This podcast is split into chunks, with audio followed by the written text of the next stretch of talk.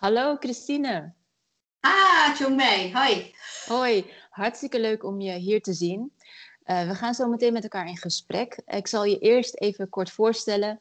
Ik zit hier samen met Christine Beenhakker. Ze heeft haar eigen praktijk, Reflecta Coaching, in Mierlo. Dat is een uh, middelgroot dorp in Noord-Brabant.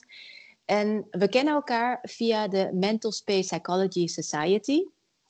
En via die weg uh, heb ik vernomen dat Christine heel actief is geweest op het gebied van het doen van onderzoek naar hoe je mental space psychology in kan zetten om depressie te behandelen. En ik zou je daar graag als eerste over aan het woord willen laten. Vertel. Nou, hartstikke leuk. Nou, hartstikke leuk. Ja, het was wel best wel eigenlijk een beetje per ongeluk ontstaan. Ik heb um, zeg maar een aantal jaren geleden, een jaar vijf geleden inmiddels, uh, zeg maar mijn um, studie afgerond uh, van toegepaste psychologie. En ik was op zoek naar een, uh, een afstudeeronderwerp om een scriptie over te schrijven. En normaal gesproken, omdat ik een eenmanszaak ben, hè, ik heb een eigen praktijk, dus ik werk veel met cliënten en niet in een grote organisatie, um, zocht ik eigenlijk een onderwerp waarbij ik eigenlijk dat ook voor mijn eigen praktijk in zou kunnen zetten, wat ook toegevoegde waarde had voor mij. Dus niet mhm. alleen maar voor de, voor de uh, studie, zeg maar, zelf, maar ook gewoon dat ik denk, oh, dat vind ik interessant. Nou, het toeval wilde dat Lucas Derks, um, die een van de oprichters is van de Mental Space Society, uh, Society voor Mental Space, um, uh, en die ken ik goed via een andere opleiding die ik, waar ik hem als leraar heb gehad, mm -hmm. bezig was met zijn, het schrijven van zijn proefschrift. En daarin stond onder andere een methodiek in dat heette mentale ruimte en depressie. En eigenlijk, uh, de Engelse naam destijds heette Depression in Awareness Space. Dus awareness betekent natuurlijk waarnemen, hè? dus dat je goed uh, waarneemt. Oh, mijn oortje valt geloof ik. En um, nou, uh, toen zei ik, nou dat vind ik wel interessant om te doen. Om te kijken wat de effectiviteit is van die methodiek en dat in te zetten als afstudeerproject. En zo gezegd, zo gedaan. Het had wel wat voeten in aarde, maar het is toch gelukt. En toen heb ik een pilotstudie gedaan met uh, tien uh, cliënten, waarbij vijf cliënten uh, echt meteen behandeld werden met die methodiek. En de andere vijf cliënten waren de, de controlegroep, zodat we dat ook met elkaar zo konden vergelijken. Ja, en heb je dit onderzoek alleen geleid en uitgevoerd, of had je ook wat mensen erbij? Nee, ik heb het helemaal alleen gedaan. Ik heb, uh, dat was ook eigenlijk de reden dat het zo'n kleine groep was. Het is echt niet voor niks een pilotstudie. Mm um, omdat het natuurlijk. Uh, kijk, als ik in een universitaire studie zou, daan, zou doen, zou dat anders zijn geweest. Maar dit was echt puur ook als, ja, als insteek van ik moet gewoon een scriptie schrijven over een onderwerp wat mij boeit. Ja. Dus dat heb ik gedaan. En dus vandaar dat ik het in mijn eentje heb gedaan, zeg maar. Ja. ja. Mm -hmm. Dus natuurlijk wel. Zo nu en dan heb ik wel dat getoetst en met Lucas uh, zeg maar regelmatig uh, afgestemd van goh, uh, hoe zullen we dit aanpakken, hoe zou ik dat aanpakken. Maar in principe is het gewoon mijn eigen pilotstudie geweest die ik onafhankelijk in mijn eigen praktijk heb gedaan. Ah, geweldig. Ja, ja. En, en wat waren de uitkomsten van dit onderzoek? Nou, wat erg interessant was, die methodiek, dat um, is, misschien moet ik daar heel even iets kort over vertellen. Ja, want het gaat ja, dat gaat eigenlijk over het, uh, hoe uh, mensen eigenlijk hun mentale ruimte ervaren. En wat uh, in principe um, bij veel mensen met depressie aan de hand is, is dat zij hun depressie eigenlijk ervaren als iets donkers of zwaars wat hen omringt. Mm -hmm. Dus dat gevoel van depressie, dat is een gevoel van zwaarte en dat heeft vaak ook een vorm. En uh, in, de, uh, in de methodiek wordt het eigenlijk gezien als een soort donkere zone in of om je heen. Zo in de space, daarom heet het ook ja. awareness space, zeg maar in of om je heen. Nou, en wat dus interessant is, is als je daar, um, even in het kort, dan um, laat je de uh, cliënt associëren in dat donkere gevoel. Mm -hmm. En dat vertalen van, en dan stel je de vraag, waar ergens in de ruimte om je heen ervaar je die donkere zone van depressie? Ja. En dat kan dus zeg maar zijn dat iets om hen heen is, of bijvoorbeeld in de vorm van een donkere wolk, of iets van een steen dat voor hen ligt. En uh, het vervolg van die stap is dan um, als je de zon achter je laat op, uh, opkomen en je laat het daarop schijnen. Wat gebeurt er dan met die donkere zone? Mm -hmm. En als het dan vlak voor hun ogen is, ongeveer 50 centimeter voor hun ogen, dan kunnen ze er echt goed naar kijken. Dan, is, uh, zeg maar, dan zien ze ook die donkere zone en dan nemen ze waar wat er gebeurt als de zonlicht opschijnt. Ja. En of die donkere zone lichter wordt of uh, transparanter wordt. En mhm. om te kunnen achterhalen, en dat is eigenlijk de essentie van de hele methodiek, mhm. wat er achter die donkere zone schuil gaat, wat hun depressie heeft veroorzaakt. Ja. En daar moet je dan dus met, als therapeut ook mee aan de, aan de gang. Maar omdat sommige mensen niet weten waar hun depressie door is ontstaan, is dit natuurlijk een prachtige methode om dat te kunnen vinden.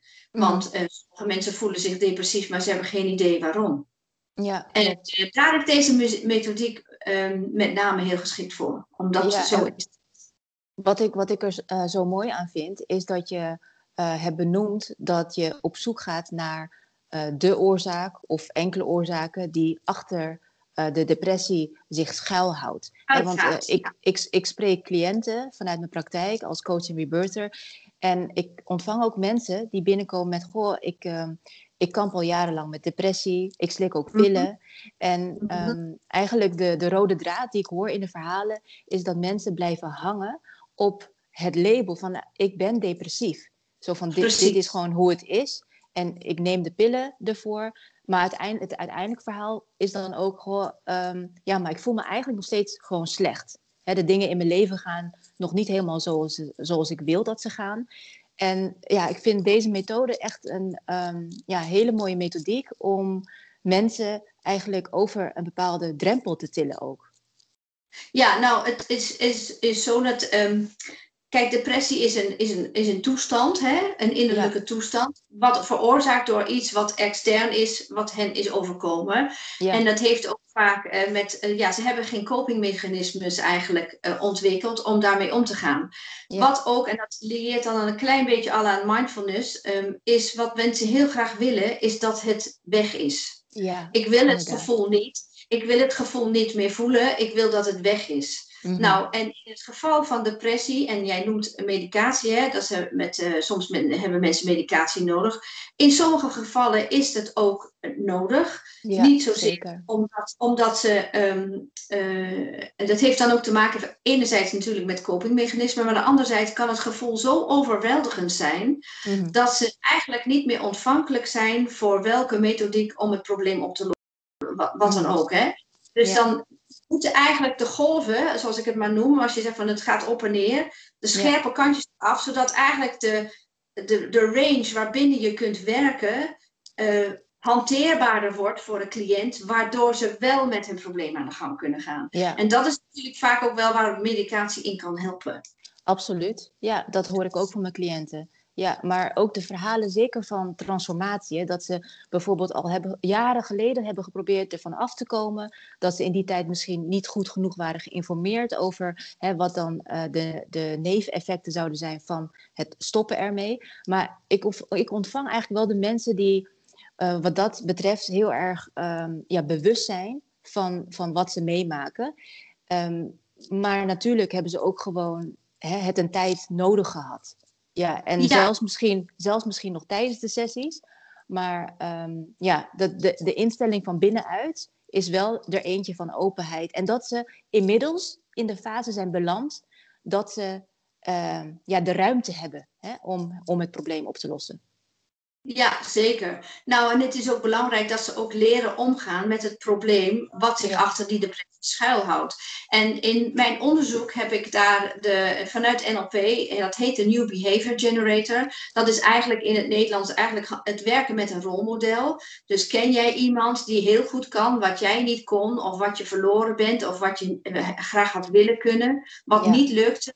En ga daar dan eens even goed bestuderen hoe die persoon dat deed transformeer dat in jezelf en groei dan op met dat vermogen wat jij had moeten kunnen. Dat is mhm. eigenlijk onderzoek, uh, omdat ja, je moet je beperken, je kunt niet alles doen. Um, mm. Heb ik dat, zeg maar, dat gebruikt zeg maar, om te kijken of daar verlichting kon ontstaan, zowel letterlijk als figuurlijk. Hè? Of mensen daarna zich verlicht voelden. Nou, en uh, bij de cliëntgroep, want dat was jouw eerdere vraag, bij de cliëntgroep mhm. was het zo dat er zeg maar eigenlijk meteen na de sessie, want het was in één enkele sessie, want ja, we moesten iets meten, je moet resultaten uh, meten van hoe is het uh, voor de sessie, van hoe, hoe, depressief voel je je nu op de schaal van 1 tot 10. En we hadden op dat moment een 4 DKL afgenomen, ook met een bepaalde score. En na de sessie, hoe voel jij je daarna, nadat we deze uh, methodiek hebben toegepast en hoe is het nu? En het verschil was vrij groot bij de meeste mensen, dus minstens twee of drie punten. Mhm. En na vier weken hebben we het daarna nog een keer gemeten, zonder dat mhm. er iets gebeurde. Gewoon telefonisch, ik heb het opgebeld van, goh, hoe is het nu met jou? Mm en, toen bleek dat van vier van de vijf mensen daar een blijvend resultaat was. Dat ze minder depressief voelden. En mhm. dat er misschien nog wel wat meer nodig was om hun zeg maar, een stap verder te helpen. Mhm. Maar dat het gevoel van somberheid en um, hulpeloosheid en depressie een mhm. stuk verlicht was. En bij de controlegroep was er eigenlijk, want die was natuurlijk daar ook in die vier weken getoetst voor, de, voor eh, zeg maar, aan het begin van die vier weken en na vier weken nog een keer. En daar mm. was eigenlijk niet of nauwelijks verschil te, in hun gevoelens. Dus dan merk je toch dat die methodiek heeft naar hun depressie en hun vermogen om daar op een andere manier mee om te gaan. Ja, nou, deze studie heb ik toen uitgewerkt. Die is ook internationaal gepubliceerd in een tijdschrift voor uh, experiential psychotherapy. Mm uh, daar krijg ik inderdaad elke week nog steeds reacties op, omdat mensen toch wel heel belang, uh, ja, uh, het heel belangrijk vinden dat er eindelijk ook een andere invalshoek is om hiermee te behandelen. Geweldig. En wat we daarna gedaan hebben, omdat de resultaten zo veelbelovend waren, hebben we dus een groter onderzoek, zijn we een groter onderzoek gestart met hmm. veel meer therapeuten. Want ik was natuurlijk de enige die dit deed. Dus eh, toen zeiden we, ja, dat, omdat het een pilotstudie was, toen hadden we al genoeg eigenlijk um, reden om dat uit te rollen over, uh, over een groter, uh, ja. in een groter platform. -hmm. Ja, en kun je, Christine, kun je wat... Um, Kijk, jullie zijn dus een, een groot onderzoek aangegaan. ja. ja, dat is geweldig natuurlijk. Maar zou je iets meer willen inzoomen op um, wat de, de mogelijke oorzaken zijn achter die depressie? Ja, dat is zo divers, Jomei. Ja. Dat is heel divers. Daar kan je eigenlijk niet 1, 2, zomaar een antwoord uh, op geven. Heel veel mensen, um, kijk, er zijn natuurlijk mensen met bepaalde uh, eigenschappen. Ik noem bijvoorbeeld mensen die last hebben van uh, hoogsensitiviteit, mensen die last hebben van autisme, mensen die last hebben van moeilijke gebeurtenissen in hun leven. Dus uh, wat ook uh, zeg maar haakt aan bijvoorbeeld een traumatische ervaring in hun jeugd, dat kan het zijn. Men, maar het heeft altijd te maken met coping. Altijd te maken leren omgaan met bepaalde moeilijkheden die je in het leven krijgt. En uh, dat, dat is dus zo divers. Dat is echt, je komt het hele leven eigenlijk daarin tegen, wat de oorzaak van depressie is. Ja. Er ja. Zijn... Kun je één voorbeeld geven? Nou, ik heb een um, cliënt gehad die was um, uh, ja, ook zeg maar hoogbegaafd in feite. Ja. En uh, als je denkt aan een hoogbegaafde cliënt, die hebben ook heel veel last van um, triggers vanuit de buitenwereld. Mm -hmm. Dus die, die is heel uh, gevoelig, zeg maar, heel sensitief. Ja. Dus er komen heel veel prikkels binnen. En die vindt het heel moeilijk om die prikkels te kunnen hanteren. Mm. En op het moment uh, dat er iets moeilijks, stress is bij hem een hele grote trigger. Dus ja. op het moment dat er een stressor in, de, in het leven komt, en dat kan van, en hij had nogal, hij is toevallig nu weer teruggekomen. Um, mm. Bijvoorbeeld, hij heeft een echtscheiding achter de rug, hij is gewisseld van baan, hij moest verhuizen. Nou, dat zijn hele eh, stressvolle gebeurtenissen in een mensenleven, maar voor hem extra. Ja. Toen merkte je dat hij um, uh, daar eigenlijk weer het leven niet meer zag zitten. Dus dan is het te veel. En ja. dan weet hij eigenlijk niet meer zo goed wat hij ermee moet. En voor hem mm. voelt dat dan alsof een donkere wolk eigenlijk hem te neerdrukt. En dan, ja. ja dan ziet hij het even letterlijk niet meer zitten. Dus mm-hmm. die wolk verbergt in feite alle mogelijkheden om ermee om te gaan. Mm-hmm. En ja. dat is wel wat er dan gebeurt. En uh, als je daar dan licht op schijnt, zeg maar, dat hebben we toevallig van de week gewoon nog een keer gedaan, maar hij wist, mm-hmm. kende methodiek wel. Zegt, nou, stel je me voor, er komt zonlicht op. Wat gebeurt er dan met die wolk? Oh ja, dan wordt er weer wat beetje transparanter en zachter. Alleen al dat doen helpt al om het gevoel van depressie lichter te maken. En daarna gaan we met zijn probleem aan de hand van hoe, gang van hoe kun je er dan op een andere manier mee omgaan dan je er zelf door helemaal te laten ten neerslaan.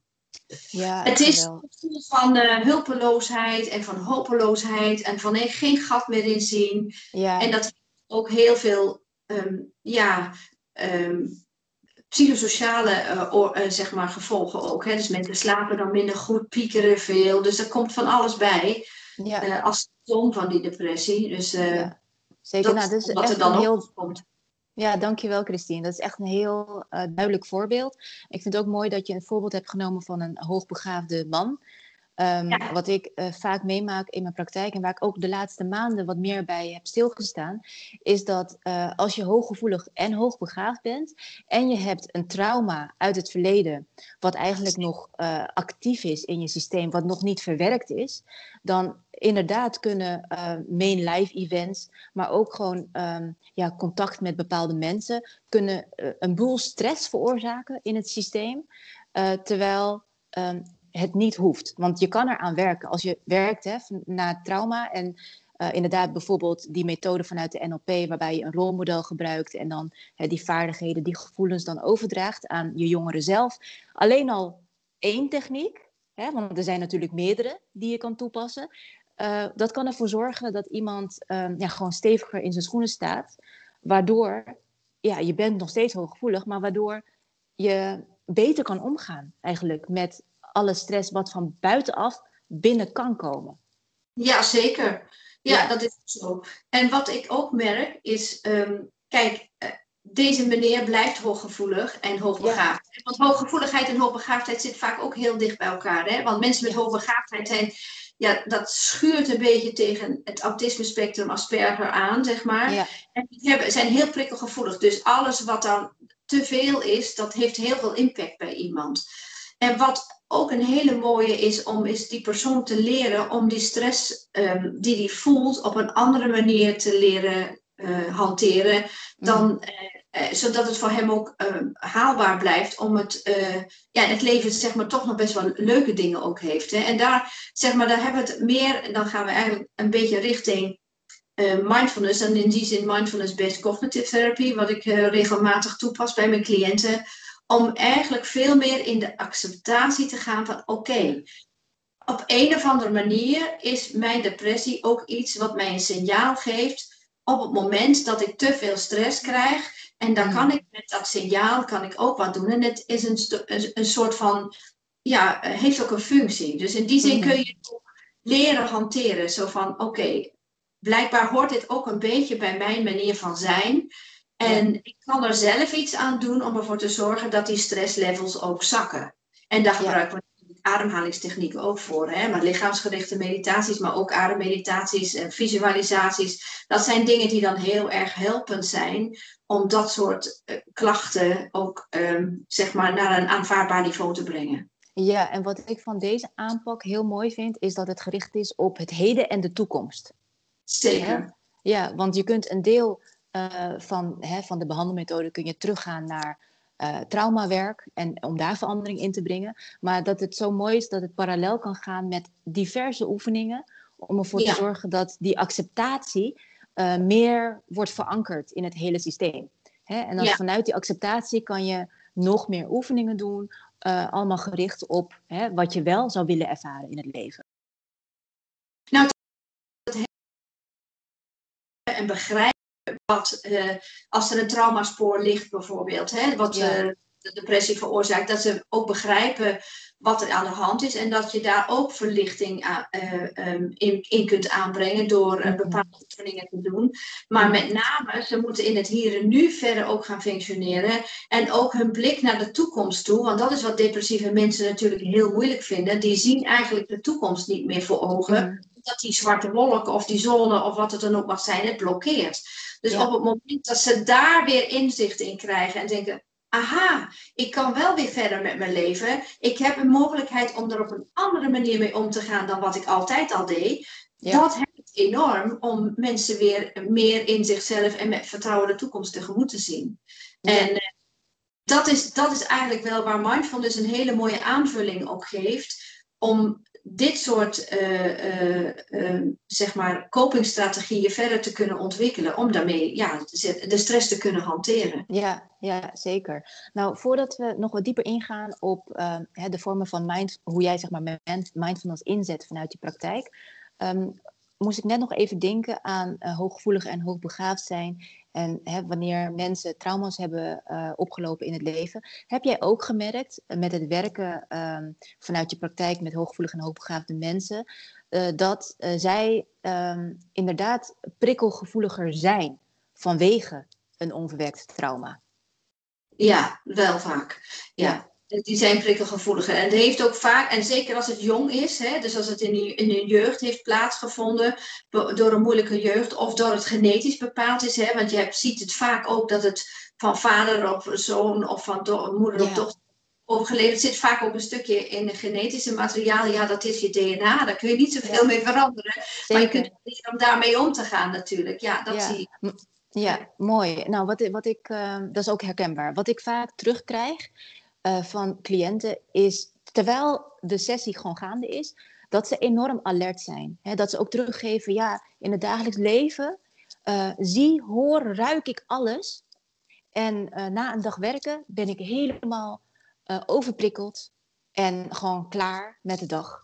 En, ja. en dan komen ze dus eigenlijk bij dat gevoel van depressief zijn, van ik zit eigenlijk gewoon helemaal vol. Helemaal overvol met, uh, ja, met de prikkels, die zij dus automatisch opnemen. Zo van, ik voel geen uh, grens, ik, ik voel geen filter, er zijn geen filters aanwezig. Dus um, dat, dit verhaal brengt mij op wat jij aanbiedt hè, vanuit je praktijk uh, met mindfulness. Uh, kun je wat meer vertellen over hoe je dat inzet? Ja, nou in dit specifieke geval en het voorbeeld wat jij noemt, dan zou ik uh, meer in de richting van um, hypnotherapie gaan werken. Om mhm. een, om een filter aan te brengen, waardoor de prikkels wat een beetje buiten blijven, zeg maar. Hè? Dus dat is mm. ook wel een vorm van, ja, hypnotherapie en meditatie liggen een beetje uh, schuren een beetje tegen elkaar aan. Nee, en hypnotherapie is toch net weer een, een stapje verder, zeg maar, daarin. Ja. Uh, om om mensen zeg maar, te helpen om een veel, bijvoorbeeld als iemand prikkelgevoelig uh, is, om er bijvoorbeeld zeggen, nou stel maar een soort grens om je heen en stel je maar voor dat het een transparant filter is en dat jij in staat bent om uh, wat je door wil laten door te laten en wat je niet door wil laten buiten jou te laten zijn. Ja. Um, dat is natuurlijk een methode die je daarbij zou kunnen hanteren. Als het gaat uh, uh, mindfulness-based cognitive therapy, zeg maar, wat ik dan geef, dan is het heel erg, gaat het heel erg om bewustwording. Mm-hmm. Dus om mensen zich veel meer bewust te laten zijn van wat er is. En veel minder in de automatische piloot te gaan zitten. Want mensen doen wat ze altijd al doen. Hè? Dat is wat Einstein al zei. Hè? Dan verandert er niks. Dus ja. op het moment dat ze veel meer in de, in de stoel van de bewustwording gaan zitten. En, die, en, en daar die drempel over gaan. Van aha, er is nog veel meer.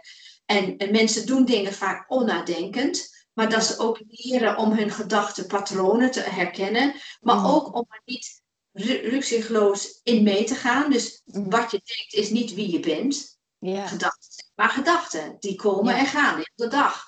Dus mm. uh, op het moment dat je die identificatie los kan halen, ik ben niet mijn gedachte, maar ik heb een gedachte.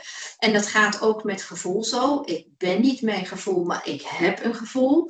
Dan is dat losgekoppeld van het identiteitsprincipe. Dat jij eigenlijk degene bent die de regie houdt over je leven. En dat jij copingstrategieën gaat leren om om te gaan met gevoelens van depressie, van angst, van mhm. stress. En wat zich dan allemaal meer zijn. Woede is er bijvoorbeeld ook één. Die uh, mensen hebben dus ook vaak dat de boosheid bezit neemt van hen, in plaats van dat ze de boosheid kunnen hanteren en zeggen: Ik voel mij boos. Maar ze zeggen: Ik ben boos. Nou, je bent niet boos, je hebt een gevoel van boosheid. Dat is het verschil. Ja, klopt. Dat zijn natuurlijk wel dingen, en, en dat is wat awareness doet, hè? waarnemen, zeg maar je gewaar worden van wat is er nou, wat is er nou in het hier en nu. Het is niet in het verleden, je bent nu hier en het is ook nog geen toekomst, dat is straks. Maar nu is het nu met jou. Hoe is jouw bewustwording op dit moment met jou, zoals jij hier nu zit? Nou, daar veel meer aandacht aan besteden, dat, zal, dat helpt ook enorm om de stresslevels ook bij mensen uh, te laten zakken. En daar gebruiken we onder andere bijvoorbeeld ook de ademhaling voor, want je adem is altijd bij je bijvoorbeeld. Hè? Dus uh, dat zijn technieken die daar heel mooi voor zijn. Ja, schitterend. Ja, geweldig. Terwijl ik naar je luisterde, ehm, ja, ja, werd ik gewoon echt geïnspireerd. Want ik dacht, dit is gewoon de kern eigenlijk. Hè? Want vaak blijven mensen zich hulpeloos, machteloos en klein voelen, komen niet in beweging, zitten vast, uh, krijgen geen ademruimte, um, hebben last van allerlei fysieke klachten, omdat ze continu al die nare gedachten denken en al die um, ja, krampachtige, zware gevoelens voelen. dus dat, dat je met ademhaling en bewustwording en uiteindelijk acceptatie, wat natuurlijk veel, um, veel werk vraagt. Je kan niet zomaar van de een op de andere dag iets accepteren, maar uh, ja, je kan er wel naartoe groeien. Ja, nou ja, dat is natuurlijk een beetje de valkuil wat in onze maatschappij is. Van je moet het maar accepteren. Nou, dat is niet zomaar. En acceptatie is ook een keuze. Hè? Van wat, En wat heb je nodig om dat te kunnen? Dus in die zin kom je dan wel echt weer terug in het cognitieve stuk. Van heb je nodig? Welke vermogens moet je aanzetten om te kunnen accepteren wat er is geweest? Of hoe dat met jou, wat jou, met jouw leven heeft gedaan. Dat is natuurlijk wel heel belangrijk dat mensen dat ook gaan ervaren. Dat ze een keuze hebben daarin. Mhm. En wat ik nog even wilde zeggen over gedachten. Mhm. Ik noem altijd, eh, zeg maar, wij hebben in NLP uh, eh, natuurlijk heel veel uh, dat we leren over overtuigingen, belemmerende mhm. overtuigingen. Namelijk overtuigingen die je tegenhouden om iets anders te kunnen doen. Dat is ook de cognitie in je hoofd. Maar um, als dat uh, gedachten zijn, zeg maar, die mensen, die eigenlijk overtuigingen zijn, bijvoorbeeld, ik ben niet goed genoeg, dat is natuurlijk de klassieker. Ik ben niet goed genoeg, ik voldoe niet, ik ben minder waard. Dat zit heel erg op identiteitslevel. En om dat op te gaan draaien en te gaan zeggen van ja, ehm, in hoeverre ben jij aangehaakt bij die gedachte dat je die echt blijft geloven. Mhm. En als je daar afstand van neemt en je gaat je dan bevragen en zegt van oké, klopt deze gedachte eigenlijk wel? Is het wel waar wat ik denk? Ben ik die gedachte of heb ik die gedachte? En op basis waarvan ben ik dat dan gaan geloven? Nou, dat zijn natuurlijk hele zinvolle vragen die je ook mee moet nemen als je met mindfulness aan de gang gaat. Want dat is niet zomaar weg. Dus daar zijn dus ook dingen, eh, zeg maar onderliggende patronen of gebeurtenissen of ervaringen die daarin mee resoneren.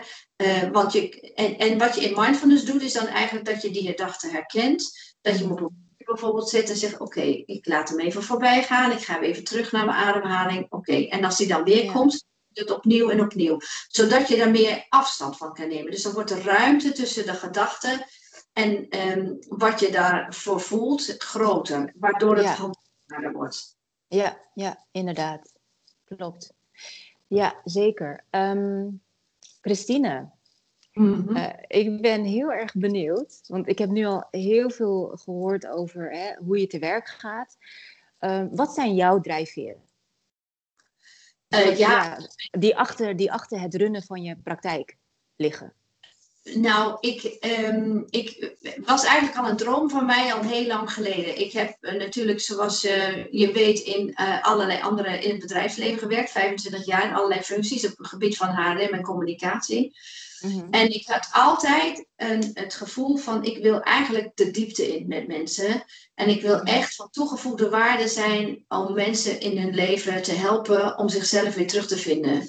En voor mij is het, geeft het ontzettend veel voldoening als ik zie hoe mensen die vastgelopen zijn in hun leven weer een stappen vooruit kunnen zetten. En weer blij zijn met wie ze zijn. En ook het leven weer aankunnen. Dat geeft mij enorm veel voldoening. Dus dat is, uh, ja, ik heb inmiddels nu, nou, ik denk 13 jaar deze praktijk nu, uh, uh, ja. En ik heb ah, heel veel mensen al voorbij zien komen, zeg maar. Ja. En iedere keer opnieuw. En elk verhaal is anders. En ik vind het zo interessant wat mensen drijft, interesseert mij. Ik, ik vind het gewoon heel boeiend wat mensen in hun leven meemaken. En uh, als ze daarin vastlopen, om daar eigenlijk de katalysator te zijn, in feite, om hen uh, weer vlot te trekken, zodat ze weer verder kunnen. En dat geeft mij enorm veel. Mooi, ja. Nou, dan kan ik je de hand schudden. Jij ook. hoe, dan ook, digitaal.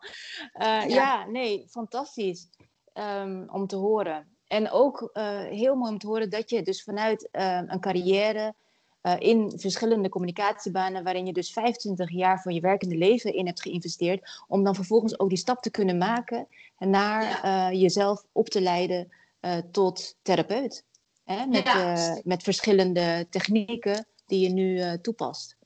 Ja, nou, dat, dat, was ook echt een bewuste keuze. Ik heb er echt het was echt, op het moment was ook daar. Hè. Op een gegeven moment, ik denk ook wel dat je als je in het vak zit, ja, levenservaring helpt, laat ik het zo zeggen. Dus op het moment dat je merkt dat je groeit toe naar iets waarvan je zelf echt op zoek bent naar verdieping in je werk. En dat kwam ik eigenlijk in het bedrijfsleven niet meer voldoende tegen. En daar was ik wel heel erg naar op zoek. En ik dacht ik, ja, dit is wel de richting die ik heel graag op wil. En dat heeft, uh, ja, heeft me voor mijzelf persoonlijk ook heel erg veel gebracht. Mm. Maar ook eh, maar in mijn praktijk ja, is het gewoon heel, heel fijn om, uh, ja, om mensen vooruit te kunnen helpen in hun leven. En ja, dat doe ik met alle plezier en passie die ik in me heb. Vind ik echt fijn. Ja, nou, heel erg mooi om te horen. En Christine, ik wil je bedanken. en dan gaan we richting het afronden van ons gesprek voor alle uh, informatie die je hebt gedeeld. Uh, ik weet zeker dat het de kijker verder gaat helpen in het uh, zetten van stappen in relatie tot hun persoonlijke en emotionele ontwikkeling. Dus ja, nogmaals, hartstikke bedankt voor je tijd. Ja, mag ik nog even een klein dingetje zeggen? Ja, ik wil graag ik weet niet of er therapeuten zijn, of counselors, of psychologen, of mensen die werken in de gezondheidszorg kijken mm -hmm. ja. dit interview. Maar uh, in januari, 8 en 9 januari, geef ik samen met mijn collega een specifieke training dat gericht is op mentale ruimte en depressie. Mm -hmm. Dus mochten mensen daar interesse in hebben, dan mogen ze daar ook, uh, zeg maar, dan kunnen ze mij benaderen en dan kan ik ze daar alles over vertellen. Dus, ja. Uh, ja, dus, fantastisch. Dus, en die informatie kunnen ze dan ook vinden onder deze video. Okay. Dus ja, oké. Okay. Ja, dan Super. zal ik dat voor je plaatsen. Nou, ja? dat lijkt me heel fijn. Dankjewel, ja, is goed. Graag gedaan. Ja, bedanken en, voor jouw uh, interesse. Ja, graag gedaan. En tot een volgende keer. Ja, en tot de volgende keer. En een fijne dag nog. Ja, Dag. jij ook. Doeg. Doei.